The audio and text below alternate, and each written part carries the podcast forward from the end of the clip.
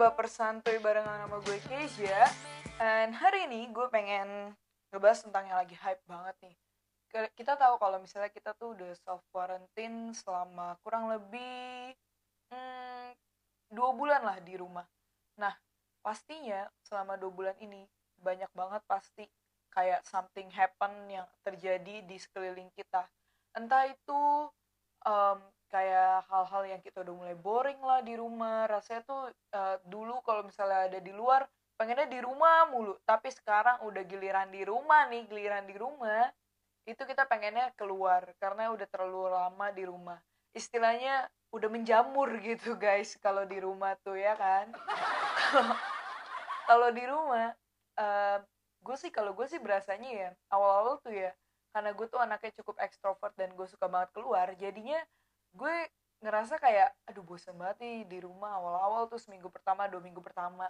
Bahkan gue ngerasa kayak hampir kehilangan ide karena biasanya gue nyari ide tuh selalu di luar gue selalu mencari segala apa pun itu di luar. Tapi kali ini gue nyari gue di rumah doang dan gue ngerasa otak gue mandek.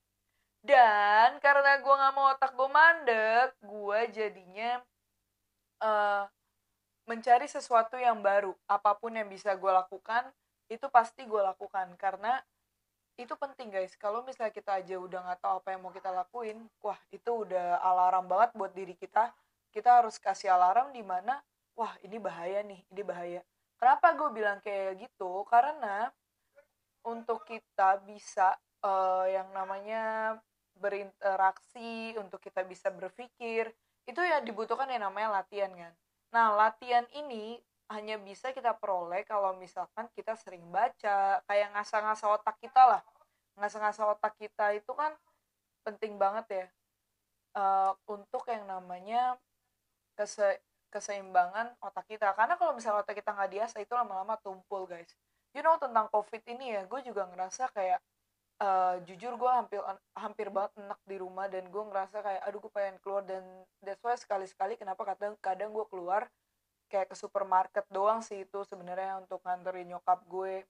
Dan gue paling kayak mau beli apa gitu kan itu biasa gue lebih baik gojek. Dan kalau misalnya emang penting banget dan saking pengen panasin mobil juga biasanya gue juga langsung ke eh, tempatnya misalnya kayak McD atau apa pun itu. Tapi rata-rata sih sekarang gue udah mulai mengurangi proses food. Nah you know seperti yang kita tahu ini kan udah mau zaman-zaman mudik nih guys. Sudah mau kayak apa ya deket-deketin mudik lah istilahnya. Dan banyak banget orang yang pergi pengen banget pergi mudik sampai pemerintah membuat banyak banget larangan. Seperti yang kita tahu di Indonesia itu sekarang udah angkanya yang terkena kasus positif corona adalah 16.496 ini gua hari Senin eh hari sorry hari Sabtu tanggal 16 Mei dan yang meninggal dunia itu udah 1076 orang. Tapi yang sembuh 3800 nah kasus yang meninggal ini biasanya mereka emang punya penyakit lain. Entah itu nemui entah itu pneumonia ataupun kayak ada diabetes atau emang mereka punya penyakit paru-paru dan semacamnya something like that. Dan di dunia sendiri itu udah terkena sekitar 4 juta 400-an itu hampir lim- 4 juta 500-an gitu kan dan yang meninggal di dunia itu udah 300 ribuan. Dan yang sembuh udah 1 juta 500-an sebenarnya tenang guys this COVID-19 is not a big uh, disease yang benar-benar pernah terjadi di dunia. Karena kasus-kasus penyakit lain pun juga banyak yang lebih banyak yang meninggal. Dan untuk COVID-19 sendiri uh, ini tuh baru sekitar eh, dua bulan empat bulan ini tapi udah cukup meresahkan. Kenapa? Karena penyebarannya yang cepat dan itu yang mengkhawatirkan setiap orang di dunia ini. Gimana sih cara nyembuhinnya dan apa sih obat yang tepat untuk menyembuhkan COVID-19 ini? Itu yang ngebuat masyarakat resah yang ngebuat eh, tiap hari lu mungkin malam gak bisa tidur gitu kan. Dari yang awalnya lu seneng weh libur WFH tapi akhirnya lu sekarang udah jadi males banget di rumah. Lu pengen banget keluar rumah bahkan ke supermarket jadi hiburan seperti yang sering gue bilang. Nah yang gue denger denger nih jadi ketika pagi gue bangun gue baca berita itu ada yang namanya eh, keributan yaitu keramaian di beberapa titik di Jakarta. Karena Jakarta udah mulai ramai banget semingguan ini. Dan terutama di Suta terminal 1 dan terminal 3 nya ya. Kalau gua nggak salah ya. Di sini uh, ada fotonya di mana tuh rame banget. Nanti gue taruh fotonya biar kalian tahu nanti gue taruh fotonya di sini. Biar kalian tahu ya yang gue baca. Nah untuk COVID-19 ini sendiri gue pun juga cukup kaget karena masyarakat Indonesia sampai ada bikin hashtag terserah anda untuk para yang tenaga medis nih. Ini tuh cukup meresahkan sih ketika kita gak mengikuti larangan pemerintah seakan-akan bahkan gue baca komen netizen. Jadi gue pagi-pagi gue dapat ngecek uh, postingan dokter Tirta salah satu dokter yang lagi hype akhir-akhir ini itu lagi uh, dia itu ngepost foto uh, terserah anda. Terus kayak sebelahnya itu foto keduanya itu adalah foto um, foto keramaian foto keramaian gitu. Dan orang-orang di sana tuh berdempetan. Dan kayak mereka tuh benar-benar mengabaikan banget namanya physical distancing dan semacamnya. Sampai uh, si siapa nih Menko PMK Muhajir minta protokol diperketat di mana itu ngecek bandara Suta itu tersebut. Karena bayangin nih guys kita aja harus namanya physical distancing. Lu harus jaga jarak satu setengah meter per orang men. Bahkan sampai 2 meter kalau bisa. Karena uh, this virus itu menyebar itu bisa melalui udara, melalui hembusan nafas lu, melalui ketika lu batuk dan bersin. Please kita ikuti etika batuk dan bersin ini karena ini tuh bener-bener kayak bahaya banget satu. Yang kedua adalah etika bersin ini tuh bener-bener ngebuat kita itu bakalan lebih aman lah minimal kalau pakai masker ke mana-mana. Makanya that's why kenapa sekarang um, media pun juga lebih banyak mengupload itu berita-berita positif. Karena masyarakat harus tetap tenang karena sebenarnya di COVID-19 bukan penyakit yang nggak bisa sembuh. COVID-19 ini adalah penyakit yang bisa sembuh asal kita mengikuti anjuran yang ada dan percaya aja gitu. Karena gue sempat dengar beberapa isu ada orang yang nggak percaya kalau COVID-19 ini nggak ada. Gila nggak tuh? Parah nggak sih? Nah di sini nih ya um, di sini makanya tuh ada kayak di detik.com pun mereka tuh bikin kayak tagline tunda mudik. Kenapa? Nanti kan juga pemerintah atau Jokowi akan mengeluarkan regulasi di mana libur akhir tahun itu diperpanjang ya. Tapi kalau misalnya kita sendiri nggak bisa untuk menahan nafsu kita untuk keluar itu bakalan sulit juga untuk pemerintah menanganinya. It's not about uh, salah pemerintah atau eh, atau salah masyarakatnya tapi emang kita aja juga yang nggak bisa menahan nafsu kita untuk keluar rumah dan semacamnya. Dan jaga jarak itu sih yang penting. Ada yang bilang kayak surat dokter gampang dibelilah surat ini gampang dibelilah makanya kita jadi bisa keluar dan semacamnya gitu kan. Nah soal-soal kayak gini nih yang ngebuat kita itu kadang jadi males nih bener ada gak sih COVID-19 ini kapan selesainya gitu kan ya karena kita tuh terus-terusan meragukan itu jadinya ya gitu deh kita terlalu menyepelekan. Takut gak boleh khawatir boleh tapi khawatir yang berlebihan itu nggak bagus. Khawatir yang berlebihan itu bisa membuat kita tuh jadi ter apa ya berdelusi. Jadi halu karena gak berani keluar gak berani ke mana-mana itu gak bagus untuk psikologi kita juga.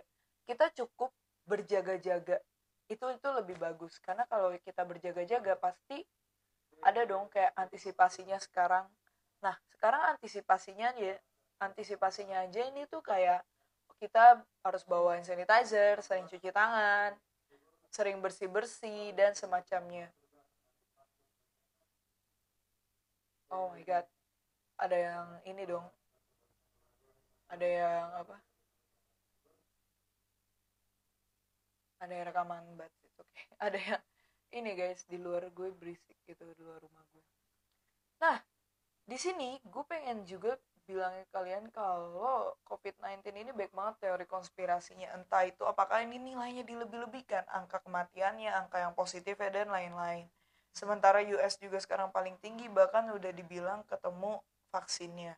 Semoga aja itu benar tapi vaksin itu pun juga masih harus diragukan guys. Karena untuk mendapatkan obat itu dibutuhkan 8 bulan dan dibutuhkan banyak banget ahli medis untuk menemukan satu obat dari satu penyakit. Nah, makanya nih sekarang gue balikin lagi ke kalian. Kalian mau percaya tentang teori konspirasi ini atau tidak? Karena uh, untuk karena kan namanya konspirasi teori ya jadi itu bisa dipercaya atau tidak entah itu angka baik banyakin entah itu sebenarnya dari US lah bukan dari China tapi itu yang orang-orang percayai gitu di mana penyakit ini kemungkinan bisa aja dari China bisa aja juga dari US atau mungkin dari negara lain atau emang sengaja dibuat gitu kan untuk mengurangi populasi manusia oleh beberapa kaum elit dan lain-lain. Bahkan nih kalau misalnya kalian mau cari di internet dan semacamnya dan kalau misalnya kalian rajin untuk mencari conspiration theory about corona ini tuh kayak banyak banget entah itu kayak semacam apa gara-gara 5G ya kayak kebenaran di balik 5G coronavirus conspiracy conspiracy theory culture class ini tuh baik banget orang-orang yang biasanya sih kalau untuk di web Indonesia itu jarang yang ngebahas tentang coronavirus ini dan konspirasi teorinya. Tapi kalau di luar itu baik banget mereka yang bikin konspirasi teori tentang coronavirus ini dan mereka ngebahas itu gitu kalau misalnya di luar. Kayak misalnya nih ada di Time nama webnya Time itu why conspiracy theories are running rampant amid the coronavirus outbreak karena banyak banget teori konspirasi yang meragukan bahkan tentang virus dan vaksin yang udah ditemukan. Apakah nih vaksin benar gitu loh?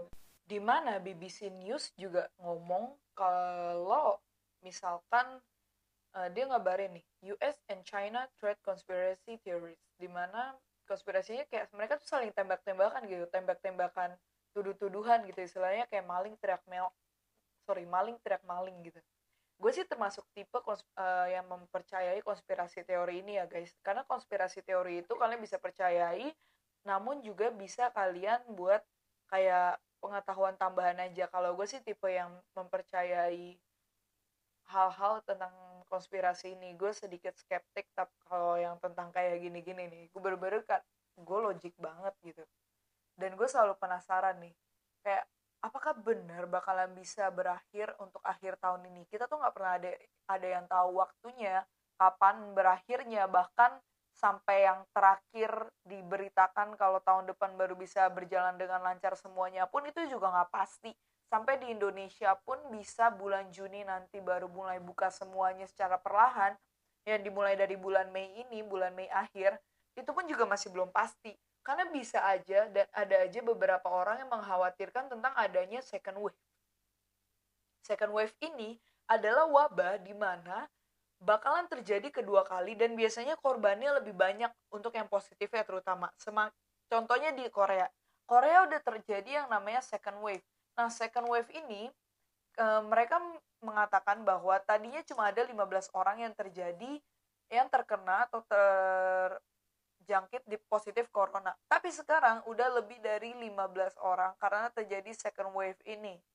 Nah, second wave ini juga yang ditakutin oleh pemerintah khususnya Indonesia dan beberapa orang di luar negeri juga dan semua orang kalau bakalan terjadi juga di Indonesia jika kita tetap ngikutin mudik atau kita ngelanggar aturan pemerintah kalau kita mau mudik jadinya. Padahal pemerintah itu pengennya kita itu kalau bisa jangan dimudik, tapi nanti di akhir tahun kita pemerintah akan memperpanjang waktunya di mana mereka akan bisa mudik atau melakukan liburan keluarga dengan lebih banyak dan semacamnya. Contohnya nih, um, it's not over until it's over, President Moon Jae-in told the nation saying a new cluster show the virus can spread widely and anytime and warning of a second wave late this year. Nah, jadi tuh Presiden Korea pun juga ngerasa ini tuh belum akhir, bisa aja terjadi cluster yang baru di mana uh, kasus coronavirus ini tuh lebih banyak gitu kan. Sementara sekarang tuh udah dilaporkan udah 34 orang yang terkena atau terinfeksi virus ini. Awalnya mereka cuma terkena 15 orang dan masih diperiksa lagi sampai sekarang. Apakah masih banyak orang yang terkena atau lebih sedikit? Nah, jadi guys, itu aja. Menurut kalian kayak gimana nih tentang konspirasi teori ini, tentang COVID-19, dan pendapat kalian tentang mereka yang masih aja bandel untuk gak ngikutin larangan pemerintah untuk gak ngikutin PSBB bahkan tetap mau mudik dan semacamnya menyalahgunakan hal-hal kayak melanggar aturan uh, di mana mereka emang sih mereka pakai masker tapi mereka tidak menghargai physical distancing sama social distancing di mana sampai para medis pun membuat hashtag baru yaitu terserah anda. Wow itu tuh semacam hashtag istilahnya kalau sama doi kalau doi udah ngomong terserah wow tanda tanda tanda tanda tanda tanda jadi kita harus hati-hati kan kalau misalnya doi kita tuh udah yang namanya ngomong terserah. Wah itu kayak ditembak sakit hati banget guys sumpah. Gila. Tadi ada backsound tembakannya. Oke itu aja untuk uh, apa yang pengen gue sharing hari ini. Karena bener-bener gue juga cukup shock sampai akhirnya gue bikin oke okay, gue bikin berita ini. Gue pikir gue pengen ngomongin ini share ke kalian. Karena kalau so jadinya kalau menurut kalian emang ini oh gue percaya nih teori konspirasi. Oh gue ah kayaknya enggak ada ini emang bohong. Atau mungkin kalian ngerasa kayak ah nih corona kayaknya cuma dibesar besarin aja sebenarnya nggak sebesar itu. Makanya kalian tetap tipe yang tetap tipe yang santai bisa pergi ke mana dan mudik dan semacamnya bahkan ketemu teman-teman kalian. Atau kalian tipe yang lainnya di mana kalian kayak takut udah gue di rumah aja. Atau kalian ngerasa karena ada yang mudik dan rame di Suta kalian ngerasa kayak aduh sia-sia nih selama ini gue dua bulan di rumah doang tahu gini mah gue keluar aja dari kemarin-kemarin. Tapi it's better to us stay at home dan menjaga keamanan kita dan kesehatan kita untuk mengurangi karena kalian tahu second wave itu bisa lebih berbahaya daripada first wave yang kayak sekarang ini yang kita alami di Indonesia di mana pemerintah tenaga medis berusaha keras mencari obat, mencari vaksin untuk mereka yang lagi sakit. Bahkan gue dengar-dengar dari beberapa dokter kalau ternyata second wave ini atau kayak mereka yang udah kena corona ini mereka tuh sebenarnya kayak dokter itu juga mencoba aja gitu obat yang ampuh apa obat yang ini apa yang kurangi apa. Mereka bener-bener kayak nyoba-nyoba obat. Istilahnya kita kayak jadi kelinci percobaan guys. Sebenarnya kalau misalnya kalian udah kena coronavirus itu makanya it's better to us kayak kita jaga-jaga diri aja di rumah. Jangan lupa olahraga makan yang sehat. Kalau bisa kurangin minum es. Pokoknya it's better kayak kita tuh boleh minum es tapi kita jangan terlalu banyak kayak kita ngatur-ngatur aja makanan kita. Jangan sampai perut kita kosong masuk angin segala macam. Kalau kita kita udah ngerasa nggak enak badan cepet-cepet deh cari obat cepet-cepet deh minum obat karena itu bakalan membantu banget lo semua buat lebih sehat sebelum ke rumah sakit. Makanya penting banget punya P3K entah itu obat-obatan kayak panadol lah tolak angin lah emang yang mungkin nggak ada isinya segala macam tapi itu lumayan membantu kalau misalnya badan kita nggak enak guys. Maupun kalau misalnya puyur bintang 7 segala macam gue jadi nyebut merek nih gue jadi promosi jadinya. Tapi nggak apa-apa karena ini informasi yang bakalan penting banget buat kalian. So itu aja buat gue. Dan gue paling pengennya COVID-19 ini juga cepat berakhir sih guys. So ya gitu deh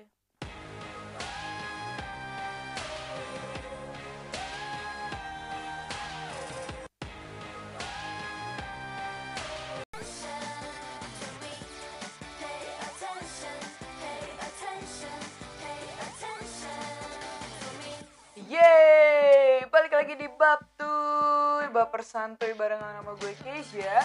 And hari ini gue pengen ngebahas tentang yang lagi hype banget nih. Kita tahu kalau misalnya kita tuh udah self quarantine selama kurang lebih hmm, dua bulan lah di rumah. Nah pastinya selama dua bulan ini banyak banget pasti kayak something happen yang terjadi di sekeliling kita.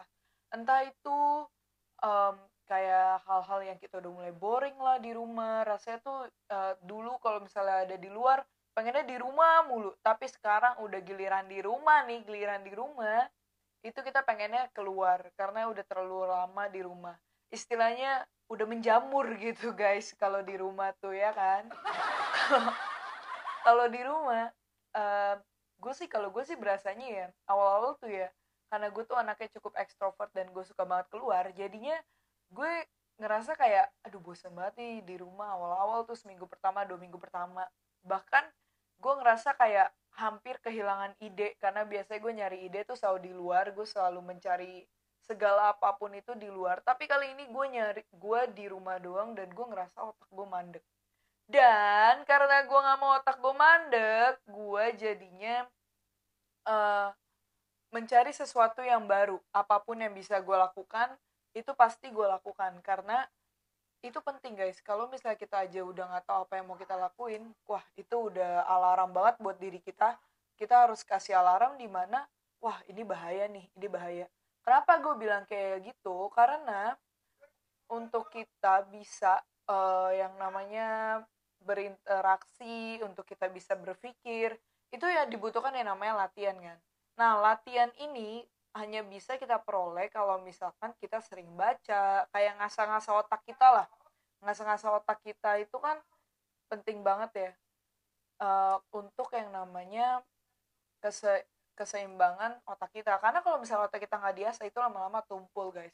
You know tentang covid ini ya gue juga ngerasa kayak uh, jujur gue hampir hampir banget enak di rumah dan gue ngerasa kayak aduh gue pengen keluar. Dan that's why sekali-sekali kenapa kadang kadang gue keluar kayak ke supermarket doang sih itu sebenarnya untuk nganterin nyokap gue.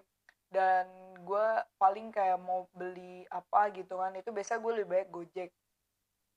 Dan kalau misalnya emang penting banget dan saking pengen panasin mobil juga biasanya gue juga langsung ke uh, tempatnya misalnya kayak McD atau apa pun itu. Tapi rata-rata sih sekarang gue udah mulai mengurangi proses food. Nah you know seperti yang kita tahu ini kan udah mau zaman zaman mudik nih guys. Sudah mau kayak apa ya deket-deketin mudik lah istilahnya. Dan banyak banget orang yang pergi pengen banget pergi mudik sampai pemerintah membuat banyak banget larangan. Seperti yang kita tahu di Indonesia itu sekarang udah angkanya yang terkena kasus positif corona adalah 16.496 ini gue hari Senin eh hari sorry hari Sabtu tanggal 16 Mei dan yang meninggal dunia itu udah 1076 orang. Tapi yang sembuh 3800 nah kasus yang meninggal ini biasanya mereka emang punya penyakit lain. Entah itu nemui entah itu pneumonia ataupun kayak ada diabetes atau emang mereka punya penyakit paru-paru dan semacamnya something like that. Dan di dunia sendiri itu udah terkena sekitar 4 juta 400-an itu hampir 4 juta 500-an gitu kan dan yang meninggal di dunia itu udah 300 ribuan.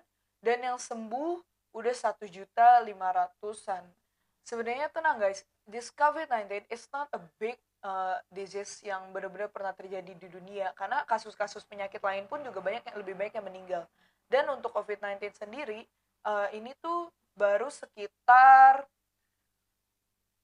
uh, dua bulan empat bulan ini tapi udah cukup meresahkan. Kenapa? Karena penyebarannya yang cepat dan itu yang mengkhawatirkan setiap orang di dunia ini. Gimana sih cara nyembuhinnya dan apa sih obat yang tepat untuk menyembuhkan COVID-19 ini? Itu yang ngebuat masyarakat resah yang ngebuat uh, tiap hari lu mungkin malam gak bisa tidur gitu kan. Dari yang awalnya lu seneng wah libur WFH tapi akhirnya lu sekarang udah jadi males banget di rumah. Lu pengen banget keluar rumah bahkan ke supermarket jadi hiburan seperti yang sering gue bilang. Nah yang gue denger denger nih jadi ketika pagi gue bangun gue baca berita itu ada yang namanya e, keributan yaitu keramaian di beberapa titik di Jakarta. Karena Jakarta udah mulai ramai banget semingguan ini. Dan terutama di Suta. Terminal 1 dan terminal 3 nya ya. Kalau gue nggak salah ya. Di sini e, ada fotonya di mana tuh rame banget. Nanti gue taruh fotonya biar kalian tahu nanti gue taruh fotonya di sini. Biar kalian tahu ya yang gue baca. Nah untuk COVID-19 ini sendiri gue pun juga cukup kaget karena masyarakat Indonesia sampai ada bikin hashtag terserah anda untuk para yang tenaga medis nih. Ini tuh cukup meresahkan sih ketika kita nggak mengikuti larangan pemerintah seakan-akan bahkan gue baca komen netizen. Jadi gue pagi-pagi gue dapat ngecek uh, postingan dokter Tirta salah satu dokter yang lagi hype akhir-akhir ini itu lagi uh, dia itu ngepost foto uh, terserah anda. Terus kayak sebelahnya itu foto keduanya itu adalah foto um, foto keramaian foto keramaian gitu. Dan orang-orang di sana tuh berdempetan. Dan kayak mereka tuh benar-benar mengabaikan banget namanya physical distancing dan semacamnya. Sampai uh, si siapa nih Menko PMK Muhajir minta protokol diperketat di mana itu ngecek bandara Suta itu tersebut.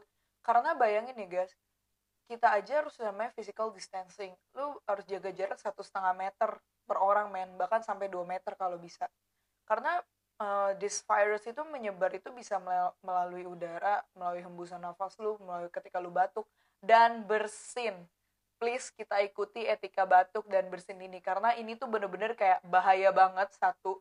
Yang kedua adalah etika bersin ini tuh bener-bener ngebuat kita itu bakalan lebih aman lah minimal kalau pakai masker ke mana-mana. Makanya that's why kenapa sekarang um, media pun juga lebih banyak mengupload itu berita-berita positif.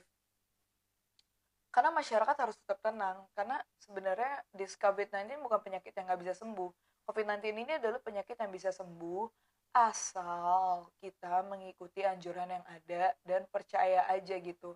Karena gue sempat dengar beberapa isu ada orang yang nggak percaya kalau COVID-19 ini nggak ada. Gila nggak tuh? Parah nggak sih? Nah di sini nih ya um, di sini makanya tuh ada kayak di detik.com pun mereka tuh bikin kayak tagline tunda mudik Kenapa? Nanti kan juga pemerintah atau Jokowi akan mengeluarkan regulasi di mana libur akhir tahun itu diperpanjang ya. Tapi kalau misalnya kita sendiri nggak bisa untuk menahan nafsu kita untuk keluar, itu bakalan sulit juga untuk pemerintah menanganinya. It's not about uh, salah, salah pemerintah atau eh, atau salah masyarakatnya, tapi emang kita aja juga yang nggak bisa menahan nafsu kita untuk keluar rumah dan semacamnya. Dan jaga jarak itu sih yang penting. Ada yang bilang kayak surat dokter gampang dibeli lah surat ini gampang dibeli lah makanya kita jadi bisa keluar dan semacamnya gitu kan. Nah soal-soal kayak gini nih yang ngebuat kita itu kadang jadi males nih bener ada gak sih COVID-19 ini kapan selesainya gitu kan ya karena kita tuh terus-terusan meragukan itu jadinya ya gitu deh kita terlalu menyepelekan. Takut gak boleh khawatir boleh tapi khawatir yang berlebihan itu nggak bagus. Khawatir yang berlebihan itu bisa membuat kita tuh jadi ter apa ya berdelusi. Jadi halu karena gak berani keluar gak berani ke mana-mana itu gak bagus untuk psikologi kita juga. Kita cukup berjaga-jaga itu itu lebih bagus karena kalau kita berjaga-jaga pasti ada dong kayak antisipasinya sekarang nah sekarang antisipasinya ya antisipasinya aja ini tuh kayak kita harus bawa hand sanitizer, sering cuci tangan, sering bersih-bersih, dan semacamnya. Oh my god, ada yang ini dong. Ada yang apa? Ada yang rekaman but it's okay. Ada yang ini guys di luar gue berisik gitu di luar rumah gue. Nah, di sini gue pengen juga bilangnya kalian kalau COVID-19 ini baik banget teori konspirasinya entah itu apakah ini nilainya dilebih-lebihkan angka kematiannya angka yang positif dan lain-lain sementara US juga sekarang paling tinggi bahkan udah dibilang ketemu vaksinnya semoga aja itu benar tapi vaksin itu pun juga masih harus diragukan guys karena untuk mendapatkan obat itu dibutuhkan 8 bulan dan dibutuhkan banyak banget ahli medis untuk menemukan satu obat dari satu penyakit. Nah, makanya nih sekarang gue balikin lagi ke kalian. Kalian mau percaya tentang teori konspirasi ini atau tidak? Karena uh, untuk karena kan namanya konspirasi teori ya, jadi itu bisa dipercaya atau tidak. Entah itu angka ini baik banyakin, entah itu sebenarnya dari US lah, bukan dari China.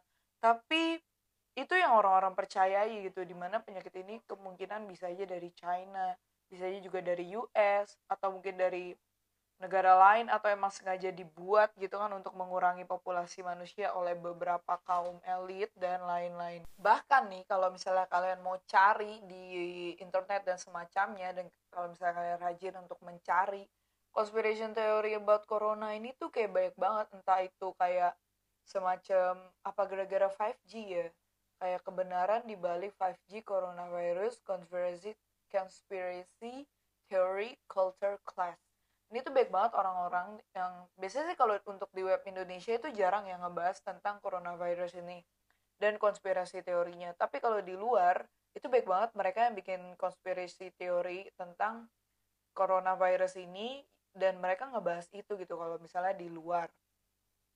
Kayak misalnya nih ada di Time nama webnya Time itu why conspiracy theories are running rampant amid the coronavirus outbreak? Karena banyak banget teori konspirasi yang meragukan bahkan tentang virus dan vaksin yang udah ditemukan. Apakah nih vaksin bener gitu loh?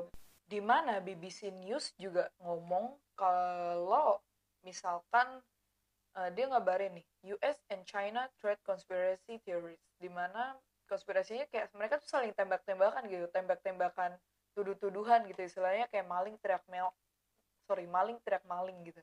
Gue sih termasuk tipe uh, yang mempercayai konspirasi teori ini ya guys. Karena konspirasi teori itu kalian bisa percayai namun juga bisa kalian buat kayak pengetahuan tambahan aja. Kalau gue sih tipe yang mempercayai hal-hal tentang konspirasi ini gue sedikit skeptik tapi kalau yang tentang kayak gini-gini nih. Gue bener-bener kan gue logik banget gitu.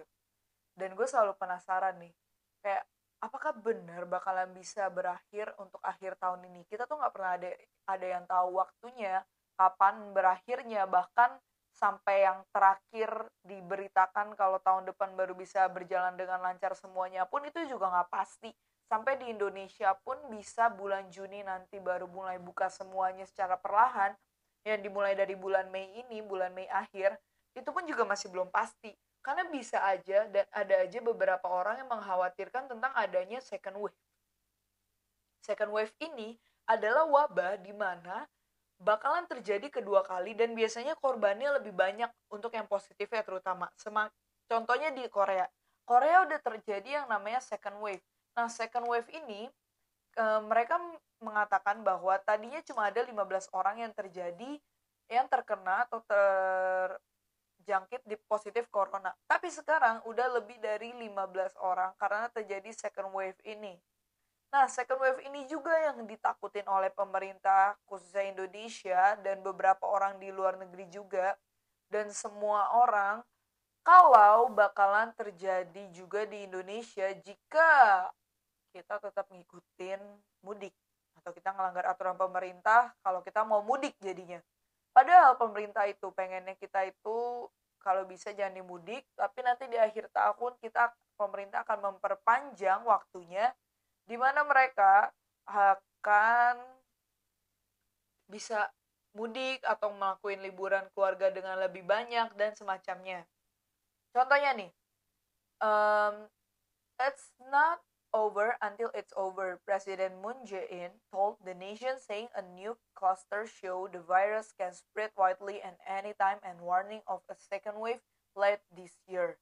Nah, jadi tuh Presiden Korea pun juga ngerasa ini tuh belum akhir, bisa aja terjadi cluster yang baru di mana uh, kasus coronavirus ini tuh lebih banyak gitu kan.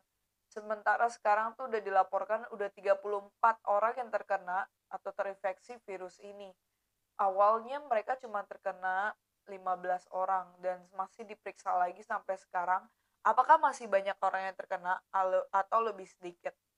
Nah, jadi guys, itu aja. Menurut kalian kayak gimana nih tentang konspirasi teori ini, tentang COVID-19, dan pendapat kalian tentang mereka yang masih aja bandel untuk gak ngikutin larangan pemerintah untuk gak ngikutin PSBB bahkan tetap mau mudik dan semacamnya menyalahgunakan hal-hal kayak melanggar aturan e, di mana mereka emang sih mereka pakai masker tapi mereka tidak menghargai physical distancing sama social distancing di mana sampai para medis pun membuat hashtag baru yaitu terserah anda. Wow itu tuh semacam hashtag istilahnya kalau sama doi kalau doi udah ngomong terserah wow tanda tanda tanda tanda tanda tanda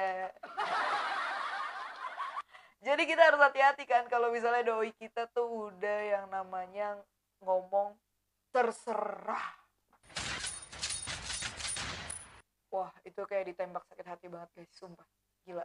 Tadi ada backsound tembakannya. Oke itu aja untuk uh, apa yang pengen gue sharing hari ini karena bener-bener gue juga cukup shock sampai akhirnya gue bikin oke okay, gue bikin berita ini. Gue pikir gue pengen ngomongin ini share ke kalian. Karena kalau So, jadinya kalau menurut kalian emang ini, oh gue percaya nih teori konspirasi, oh gue ah kayaknya enggak ada ini emang bohong, atau mungkin kalian ngerasa kayak ah nih corona kayaknya cuma dibesar-besarin aja, sebenarnya nggak sebesar itu, makanya kalian tetap tipe yang tetap tipe yang santai bisa pergi ke mana dan mudik dan semacamnya bahkan ketemu teman-teman kalian. Atau kalian tipe yang lainnya di mana kalian kayak takut udah gue di rumah aja atau kalian ngerasa karena ada yang mudik dan rame di Suta kalian ngerasa kayak aduh sia-sia nih selama ini gue dua bulan di rumah doang tahu gini mah gue keluar aja dari kemarin-kemarin. Tapi it's better to us stay at home dan menjaga keamanan kita dan kesehatan kita untuk mengurangi karena kalian tahu second wave itu bisa lebih berbahaya daripada first wave yang kayak sekarang ini yang kita alami di Indonesia di mana pemerintah tenaga medis berusaha keras mencari obat, mencari vaksin untuk mereka yang lagi sakit. Bahkan gue dengar-dengar dari beberapa dokter kalau ternyata second wave ini atau kayak mereka yang udah kena corona ini mereka tuh sebenarnya kayak dokter itu juga mencoba aja gitu obat yang ampuh apa obat yang ini apa yang kurangi apa. Mereka bener-bener kayak nyoba-nyoba obat. Istilahnya kita kayak jadi kelinci percobaan guys. Sebenarnya kalau misal kalian udah kena coronavirus itu makanya it's better to us kayak kita jaga-jaga diri aja di rumah. Jangan lupa olahraga makan yang sehat. Kalau bisa kurangin minum es. Pokoknya it's better kayak kita tuh boleh minum es tapi kita jangan terlalu banyak kayak kita ngatur-ngatur aja makanan kita. Jangan sampai perut kita kosong masuk angin segala macam. Kalau kita kita udah ngerasa nggak enak badan cepet-cepet deh cari obat cepet-cepet deh minum obat karena itu bakalan membantu banget lo semua buat lebih sehat sebelum ke rumah sakit. Makanya penting banget punya P3K entah itu obat-obatan kayak panadol lah tolak angin lah emang yang mungkin nggak ada isinya segala macam tapi itu lumayan membantu kalau misalnya badan kita nggak enak guys. Maupun kalau misalnya puyer bintang 7 segala macam gue jadi nyebut merek nih gue jadi promosi jadinya. Tapi nggak apa-apa karena ini informasi yang bakalan penting banget buat kalian. So itu aja buat gue. Dan gue paling pengennya COVID-19 ini juga cepat berakhir sih guys. So ya gitu deh.